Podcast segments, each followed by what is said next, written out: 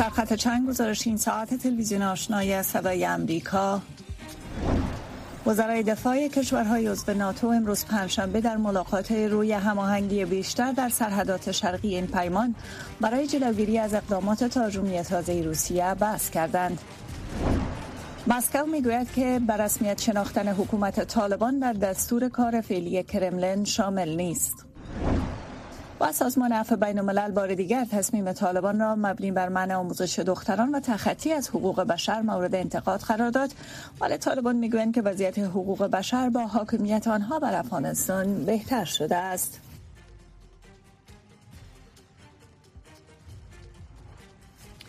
با سلام مجدد برنامه تلویزیون آشنای صدای آمریکا رو مشاهده می‌کنید. امروز پنج شنبه 16 ماه جون سال 2022 می باشد این برنامه همزمان در صفحه دری فیسبوک صدای آمریکا با شکل مستقیم و زنده به نشر می‌رسد. رینا روزبه هستم.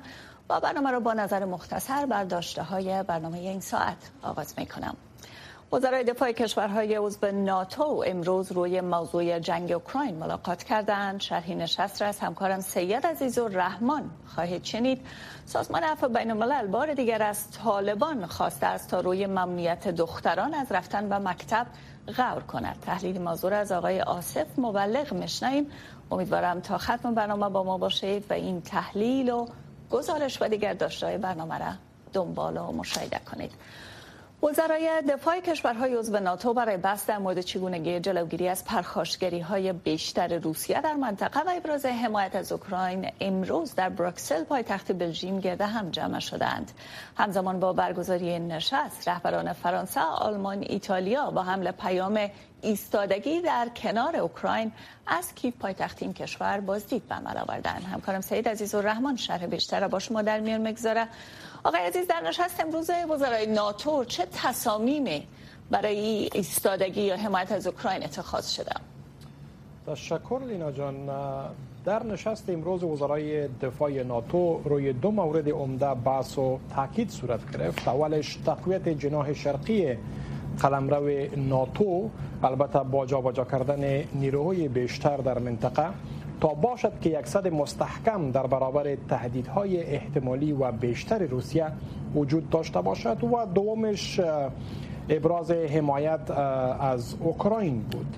البته به باور برخی از وزرای دفاع اشتراک کننده در این نشست پیروزی بجز از پیروزی اوکراین در برابر روسیه گزینه دیگه وجود نداره و به همین دلیل حداقل هفت کشور عضو ناتو امروز اعلام کردند که کمک های بیشتر نظامی را با اوکراین فراهم خواهند کرد. همچنان در سفر که رهبران آلمان، فرانسه، ایتالیا و و رومانیا با اوکراین داشتند ضمن ابراز حمایت از اوکراین گفتند که جهان باید ویرانی ها و مخروبه های باقی مانده از تهاجم بر از تهاجم روسیه بر اوکراین را فراموش نکند و هر تصمیمی که در قبال اوکراین اتخاذ میشه باید تصویر این مخروبه ها و ویرانی ها در ذهن تصمیم گیرندگان باشد.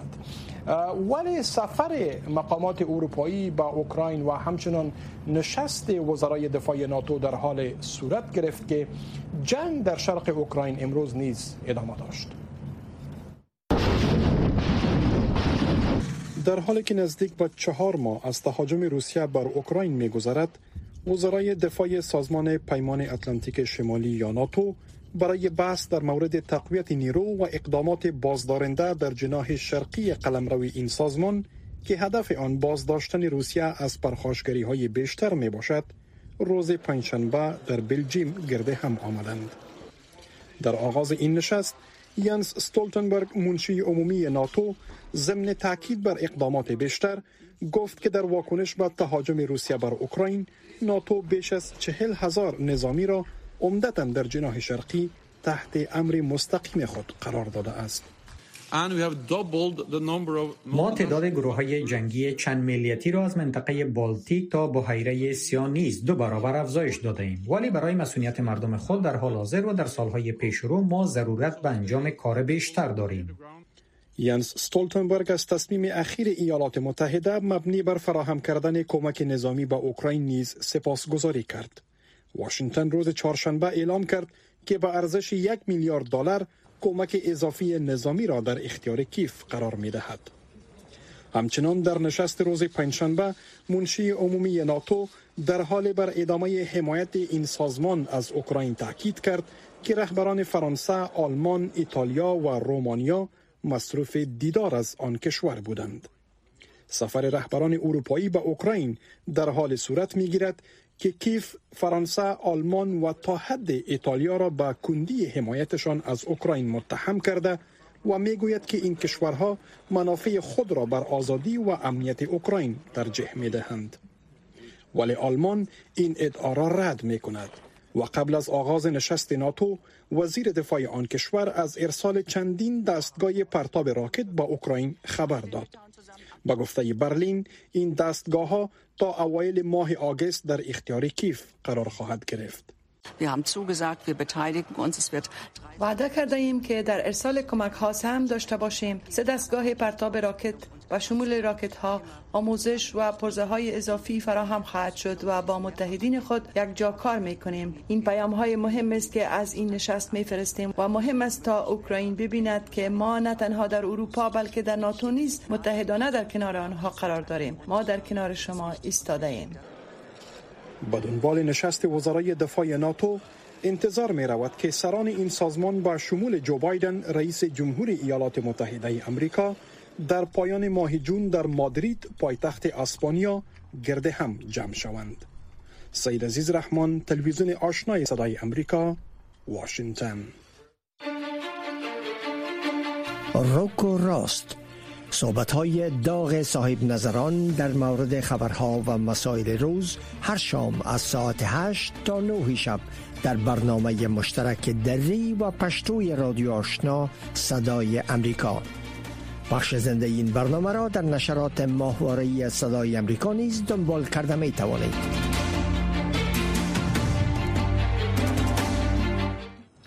باز هم به خبر از اوکراین توجه کنید آژانس خبررسانی رویترز گزارش می‌دهد که دو شهروند ایالات متحده که به اوکراین من حیث جنگجویان رضاکار برای جنگیدن علیه روسیه سفر کرده بودند حدود یک هفته است که ناپدید شدند. نگرانی ها در مورد اینکه این دو توسط روسیه اسیر گرفته شده باشند وجود دارد. الکساندر دروک 39 ساله و هندی هایون که 27 ساله است هر دو از ایالت الاباما ایالات متحده به اوکراین رفتند و آخرین تماس آنها با خانواده هایشان به تاریخ 8 ماه جون ذکر شده است. سخنگوی وزارت خارجه ایالات متحده تا کنون احتمال اینکه این دو ممکن توسط روسیه اسیر شده باشند را تایید نکرده است و وزارت خارجه روسیه نیز ابراز داشت که ایالات متحده تا کنون در مورد این دو شهروند امریکایی با آنها در تماس نشده است. مسکو به رسمیت شناختن حکومت طالبان را در آینده نزدیک رد کرده است. دیمیتری پسکوف سخنگوی کرملن و روز چهارشنبه گفت که بر رسمیت شناختن حکومت طالبان در حال حاضر در اجندای کاری مسکو نیست آقای پسکوف در صحبت با خبرنگاران گفت که روسیه بارها این را گفته است که بر رسمیت شناختن حکومت طالبان هنوز در دستور کاری این کشور نبوده و هر گونه پلشگویی در مورد بر رسمیت شناختن آنها توسط روسیه بیفایده است. این در حالی است که زمیر کابلوف نماینده ویژه روسیه در امور افغانستان نیز در مصاحبه با یک تلویزیون روسی گفته است که چشماندازی برای به رسمیت شناختن حکومت طالبان از سوی روسیه وجود دارد. اما و اضافه کرد که مسکو بدون در نظر داشت دیدگاه ایالات متحده و سایر کشورهای غربی در زمینه به رسمیت شناختن حکومت طالبان اقدام خواهد کرد. آقای کابلوف همچنان ایجاد یک حکومت همه شمول توسط طالبان را شرط اساسی به رسمیت شناختن حکومت طالبان توسط روسیه ذکر کرده است. ماموریت دبرا لاینز نماینده ویژه منشی عمومی سازمان ملل متحد برای افغانستان بعد از دو سال خاتمه یافت. لاینز وظیفه‌اش را در این مقام در سال 2020 آغاز کرده بود و امروز پنجشنبه در یک اعلامیه از ختم دوره کاریش من حیث نماینده سیاسی سازمان ملل متحد در افغانستان خبر داد و سقوط نظام جمهوریت و حاکمیت مجدد طالبان بر افغانستان را تجارب غیر منتظره دوره کاریش در آن کشور خواند.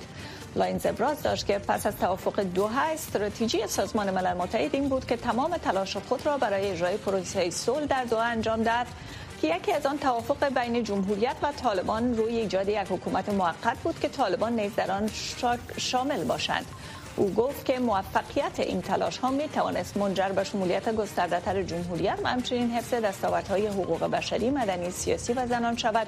بله و گفته ای ثابت شد که این غیر ممکن بود و جمهوریت قبل از خروج آخرین نیروی بین المللی سقوط کرد. در این اعلامیه و نقل از این آمده است که اکنون افغانستان با مشکلات جدی در بخش حقوق بشر و بران شدید اقتصادی مواجه است. سازمان عفو بین الملل می‌گوید که حق آموزش یک حق اساسی بشری است که طالبان موظف به رعایت آنند و باید این موضوع خط سرخ در مذاکرات با طالبان باشد. این سازمان بر روز چهارشنبه با نشر یک اعلامیه ابراز داشت که سیاست های کنونی طالبان در قبال آموزش دختران و زنان تبعیض آمیز و ناعادلانه و ناقض قوانین بین المللی می باشد این سازمان همچنان وضعیت کنونی و اوضاع افغانستان را در طول ده ماه حاکمیت طالبان تاریک ترین روزها در عرصه حقوق بشر خوانده است. ولی زبی الله مجاهد سخنگوی طالبان می‌گوید که تحت زامت طالبان وضعیت حقوق بشر در مقایسه با گذشته در افغانستان بهتر شده است. امارت اسلامی افغانستان ادعاهایی را که در مورد حقوق بشری یا زایای حقوق بشری در افغانستان صحبت میشه رد می‌کنه. حقوق مردم از سال گذشته و از دمای گذشته بسیار تامین است. قبلا مردم با کشتار و جنگ و بدبختی و مشکلات روزافزون مواجه بودن. خانه های مردم بمبارد می شد بسیار با وقاحت به زندان کشونده می شدن حال هم هیچ کس بدون از مجرمین ما به زندان نداریم. کسی کشته نمیشه زندگی مردم تامین است. امنیت تامین است. در این راستا کار زیاد شده. تمام محاکم امارت اسلامی در صدد تلاش هستند تا حقوق افراد را حقوق اتباع را بتن و در مورد تجاوز علیه حقوق یک دیگر اقدامات قاطع و جدی نمایند همچنان امارت اسلامی افغانستان تلاش می که در بعضی عرصه هایی که مشکلات باقی مانده در خب جامعه جانی یکی از شروط عمده برای به رسمیت شناختن حکومت طالبان را ایجاد یک حکومت همه شمول و پابندی به حقوق بشر، حقوق زنان و حقوق اقلیت ها خوانده است. بعد از سپارشیدن ده ماه از اقتدار دوباره طالبان تا کنون هیچ کشوری حکومت طالبان را به رسمیت نشناخته است.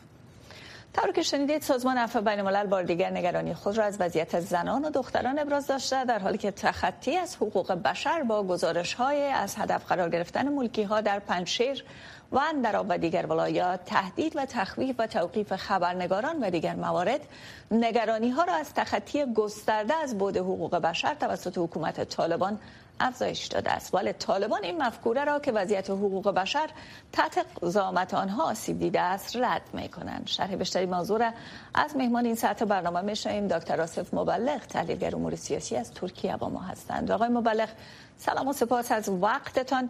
طوری که شنیدن بار دیگر طالبای موضوع را رد کردند که تخطی از حقوق بشر به خصوص حقوق زنا در افغانستان تحت زعامتشان صورت می‌گیره و میگن که وضعیت حقوق بشر در افغانستان اکنون در وضعیت بسیار بهتری از گذشته قرار داره واکنش شما به این برداشت طالبان چیست؟ من خدمت شما بیننده محترم شما عرض سلام احترام و ارادت دارم. ببینید متاسفانه ما روش ده که امروز از گروه طالبان شاهد هستیم. روش انکار دروغ عدم صداقت و روش مبتنی بر فریب و نیرنگ افکار جامعه جهانی و همچنین مردم افغانستان هست.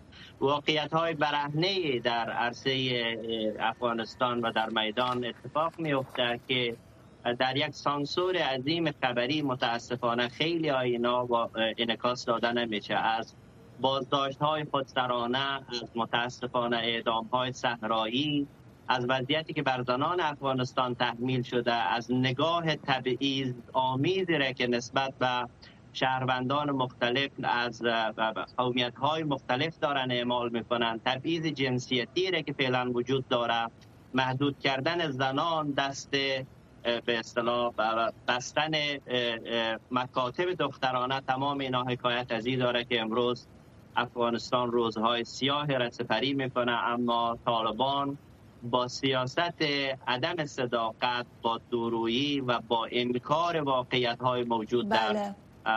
زمین افغانستان می‌خواهد که جامعه جهانی را فریب بده مطبوعات یک رکن بسیار عمده در پوشش موارد مرتبط به حقوق بشر دانسته میشه و حال مطبوعات در افغانستان تحت سانسور و نظارت طالبان واقع شده و حتی به مناطق مثل پنشیر اجازه رفتن خبرنگاران داده نمیشه به نظر شما این خفه ساختن فعالیت مطبوعات در افغانستان تا چه حد پوشش شده برای عدم آگاهی جهان از تخطی گسترده حقوق بشر توسط طالبان؟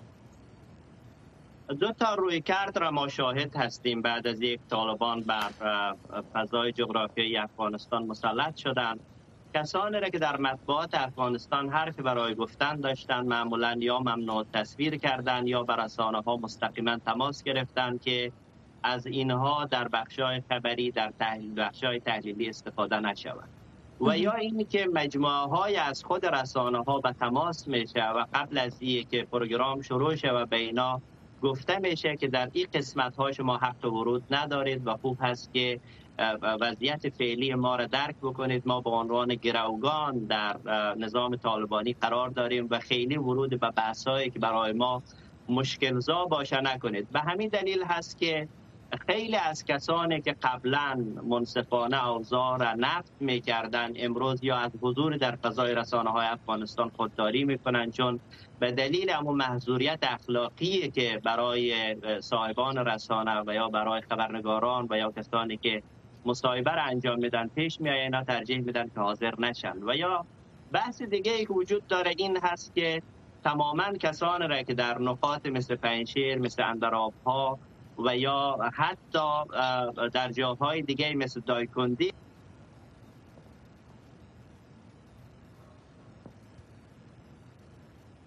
بله. خب آقای مبلغ خدا کنه صدای ما رو بشنیم بله. برخی از نهادهای مدافع حقوق بشر میگن که تقبیل کردن اعمال طالبان توسط سازمان های حامی حقوق بشر کافی نیست. باید عملکردهای مثل ممنوعیت ممنوعیت سفر رهبران طالبان و نوع فشارها روی از اینا وارد شود. به نظر شما شورای امنیت ملل متحد قادر به این خواهد بود تا این نوع تحریم ها را علیه کتله رهبری طالبان انفاذ کنم؟ ببینید من فکر می‌کنم که دهانیم ماه رسد کردن فعالیت گروه طالبان باید جامعه جهانی را خانه کرده باشه که امروز با یک مجموعه که به هیچ ارزش و اصول بین المللی پابند نیستن روبرو هستند. بنابراین در خصوص نوع برخورد با گروه طالبان اگر تجدید نظر اساسی صورت نگیره من فکر می‌کنم هر روز عرصه بر مردم افغانستان تنگتر خواهد شد و شرایط زندگی در افغانستان به شدت بدتر خواهد شد. من فکر می‌کنم که ممنوعیت بر مسافرت سران گروه طالبان و یا کسانی که تحت تعقیب شورای امنیت سازمان ملل هستند اینا می‌تونه هشدار جدی برای گروه طالبان باشه بله. اگر قادر به به اصطلاح آوردن تغییرات در فضای سیاسی افغانستان هستند به این شکل وادار به تغییرات شوند و اگر بله. این امکان وجود نداشته باشه که من فکر می‌کنم امکان نداره بحث بهتر این هست که نگاه بله. جهان نسبت به تعامل و طالبان تغییر بکنه. سپاس از شما آقای مبلغ. ممنون از اینکه برداشت تحلیل خود را در قبالی موضوع را کردید. تشکر. انتظار به پایان رسید. بینندگان و شنوندگان عزیز بعد از این می توانید برنامه های صدای امریکا را از طریق شبکه ماهواره جدید ببینید و بشنوید. برنامه های تلویزیون آشنا سی دقیقه کاروان و برنامه های رادیو آشنا را می توانید در channel 469 شبکه ماهواره Yahsat دنبال کنید.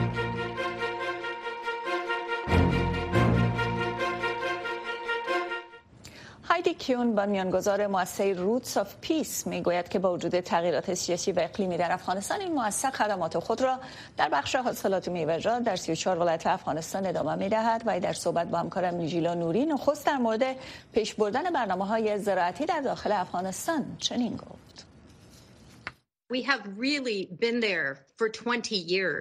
ما از 20 سال بدین سو برای مردم افغان تعهد و فداکاری کردیم و پس از رویداد 15 آگست و برگشت طالبان ما فقط یک روز نتوانستیم کار کنیم اما نخواستیم از مسئولیت خود در برابر دهاقین و خانواده های آنها دریغ کنیم. به همین خاطر Roots of Peace از 20 سال بدین سو در 34 ولایت افغانستان حدود 6 میلیون درخت میوه غرس کرده است. اگر ما با 400 کارمند خود پشت برمیگشتیم و میگذاشتیم بیکار شوند میوه ها در شاخه ها ضایع می شدند و به عنوان یک مادر و مادر کلان من احساس مسئولیت عمیق کردم تا برای فرزندان این کارمندان خود مواد غذایی برسانم و ما در هیچ نقطه جهان بیرق خاص نداریم. ما فقط به دهقانان خدمت می کنیم و به این کار ادامه می دهیم که با امضای قرارداد با وزارت خارجه و اداره بین المللی پلیس و مواد مخدر مشترکاً با پروژه انکشافی سازمان ملل متحد موفقانه حدود یک میلیون درخت میوه را در بهار امسال در سراسر افغانستان غرس نمودیم. شما یک کاربار بزرگ در ولایت افغانستان به پیش می‌برید حتما با شماری از زنان نیز در این پروژه کار می‌کنید محدودیت های طالبا بر حق کار زنان و روند کار شما به خصوص زنان که اجازه کار ندارند چی تاثیر گذاشته است؟ Well, been extremely challenging for the women of Afghanistan uh, with the uh, آنچه که بسیار برای زنان افغان دشوار است تحصیل نکردند و برخی دیگر فقط الا مکتب متوسط درس خواندند. اما ما به زنان تجارت از طریق زراعت را آموزش می دهیم و با در نظر داشت شرایط وضع شده بر زنان افغان برای آنها کاریابی می کنیم سی تن از زنان با من کار می کنند و هر هفته حدود نیم ساعت از طریق زوم از کالیفرنیا با آنها صحبت می کنیم و آنها را تشویق می کنم و از آنها خبر می گیرم ما با کمک کارمندان زن راه های جدید را برای پیشبرد کار Roots of Peace پیدا می کنیم تا حد امکان در سطح بالا با تیم مالی ما کار کنند تا که مسئولیت 85 میلیون دلار پروژه ما را دارند و اکنون ما در افغانستان قرارداد داریم این زنان در صف اول سال هستند و آنها در ولایات دوردست زنان را آموزش می دهند و با استفاده از ابزار تکنولوژی از راه دور کار می کنند به خاطر که رفتن به برخی از مناطق دشوار و خطرناک است. زنان با ایجاد باغ برای آشپزی یا فارم مرغ امرار معاش می کنند برای برخی چوچه های مرغ را برای پرورش می برند تا با فروش تخم آنها بتوانند مصارف خانواده خود را تامین کنند. در افغانستان شرایط کووید و در این زمان تغییرات اقلیمی تاثیرات ناگوار خود به جا گذاشته است. آیا کاربار شما به خاطر تغییرات اقلیمی به خصوص خشکسالی متاثر شده است؟ تغییرات اقلیمی به طور جدی بر تمام کشورهای جهان به خصوص افغانستان متاثر ساخته است. دسترسی به منابع آبیاری دشوار است و برای رشد نباتات و بوته و زراعت نیاز است. ما گلخانه های سبز داریم که در آن بادرنگ رشد می دهیم به خاطر که بادرنگ زیاد به آبیاری نیاز ندارد. اما در تابستان داغ این نباتات در گلخانه ها سبز رشد می کنند و ما حاصلات زیاد بادرنگ داریم. ما نیاز به سرمایه گذاری بیشتر جامعه جهانی در بخش ایجاد سیستم های آبیاری هستیم که بتوانیم به حدود 1.7 میلیون دلار درختان میوه خود رسیدگی کنیم. برنامه های ما نه تنها به دهقانان کمک می کند بلکه برای آنها از نظر اقتصادی آرامش می دهد خزان سال گذشته ما تصمیم گرفتیم که میوه را که صادر کرده نمی توانیم حداقل آن را به ولایات مختلف افغانستان به فروش برسانیم و برای مردم کمک مواد غذایی شود و منبع آید برای دهقانان شود که در وضعیت بد قرار داشتند و نیاز به کار داشتند. با رقم 90 فیصد بیکاری حداقل با بیل زدن و زراعت توانستند برای خود امرار معاش کنند که مسئولیت ما بود. شما کاربار اصلات زراعتی افغانستان را به دوش دارین و طالبان از طرف سایر کشورها به رسمیت شناخته نشدند و صادرات و واردات به افغانستان نیست تا حد تحت تاثیر قرار گرفته است. آیا طالبان در قسمت پیشبرد پروژه ها همراه شما همکاری می‌کنند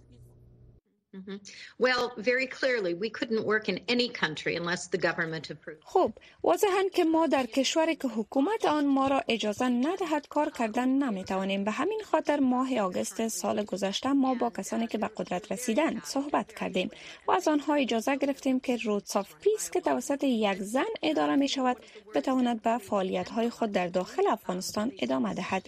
و یکی از آنها برایم گفتند که ما به عنوان یک مادر که فرزندان ما را نان می‌دهد اجازه می‌دهیم من به عنوان یک مادر و مادر کلان خواستم در افغانستان برای مردم کمک کرده باشم.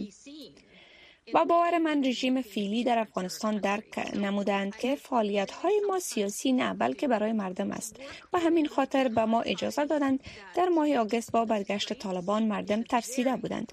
ماه سپتامبر ما فصل حاصلات داشتیم و مجبور بودیم از این طریق بتوانیم کاروبار خود را به پیش ببریم.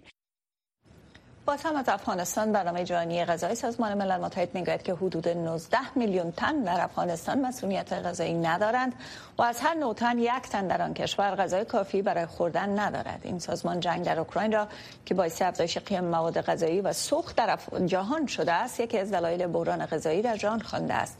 مری آلن مگارتی رئیس برنامه جهانی غذا برای افغانستان می‌گوید که اکثر مردم در افغانستان قادر به تهیه یک وعده غذا نیستند.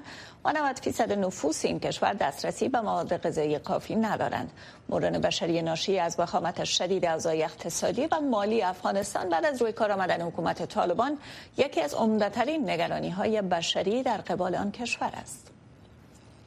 ساختن خنجر با دسته های تزئین شده از شاخ حیوانات حال یکی از سنت های دیرینه در یمن محسوب می شود و جزئیات بیشتری موضوع در این گزارش توجه کنید. در یک کارخانه کوچک در صنعا مرکز یمن کارگران با دقت تیغ های کوتاه را تیز می کنند که در ساخت خنجرهای سنتی مورد استفاده قرار می گیرد. خنجرهای منحنی شکل معروف به جامبیا کلمه عربی که به معنی کناره است با دسته تزئین شده بخش از فرهنگ یمن برای هزاران سال بوده است. جامبیا در ابتدا ابزار برای جنگجویان بود اما اکنون یک شی تزئینی است که نشان دهنده مقام و اهمیت استفاده کننده آن است دسته های این خنجرها از شاخ حیوانات مختلف ساخته می شود 20 یا 25 سال است که از شاخ کرگدن برای ساخت خنجر استفاده کرده ایم. شاخ ها در دسترس است اما ما از استفاده از آنها منع شده ایم. اکنون ما از شاخ گامش استفاده می کنیم که اجازه استفاده آن را داریم گرانترین آنها سایفانیا است که با استفاده از شاخهای کرگدن که اکنون ممنوع شدن ساخته می شود با خنجرهای به ویژه کمیاب که قیمتهای آن به صدها هزار دلار می رسد. از زمان ممنوعیت تجارت شاخ کرگدن یمنی ها به استفاده از حیوانات دیگر برای ساختن دسته خنجر از جمله گوزن، کاریبو یا گوزن امریکایی و شاخ گومش متوسل شدند. انواع مختلف جامبی از جمله سایفونیا ساخت شاخ کرگدن وجود دارد. دیگر کارک است که از شاخ گامش ساخته می شود. نوع سوم آن از شاخ کاریبو است. بنان سه نوع وجود دارد که گرانترین آن سایفونیا ساخت شاخ کرگدن است. ایوانی که منقرض شده است. یمنی ها هزاران سال است که از آن استفاده می کند جدیدترین خنجر سایفونیا که پیدا گردید حداقل 40 سال قدامت دارد. به همین ترتیب محمد علی اماد مسئول شبکه تلویزیون هاویا جامبیا را من حیث بخش از هویت یمنی ها تعریف می کند و می گوید من تاریخ جامبیا را در نظر می گیرم بر علاوه این موقعیت ها که با هویت یمنی ارتباط دارد. در طول نسل ها با فرهنگ ما در آمخته است و با ارزش های ما مرتبط است. چگونه می توانیم بفهمیم که چی کسی یمنی است؟ یا چی زمان می توانید بدانید که یک مرد فرد یمنی است؟ جامبیا او را از همه ملیت های دیگر متمایز می کنند بسیاری از این خنجرها به حیث دارایی های با ارزش پنداشته می شود و اغلب به نسل های مختلف در خانواده منتقل می شوند. ارزش خنجرها معمولا مرتبط است به قدامت آن اینکه متعلق به کدام قبیله است و از چه حیوانات برای ساختن دسته های آنها استفاده شده است. نجیب خلیل تلویزیون آشنا صدای امریکا واشنگتن. با این گزارش در ختم بخش دری برنامه این, ساعت قرار گرفتیم. امیدوارم شنیدن برنامه رادیو آشنای صدای امریکا را فراموش نکنید و رجوع به رسانه های اجتماعی صدای امریکا را. تا برنامه دیگر خدا نگهدار.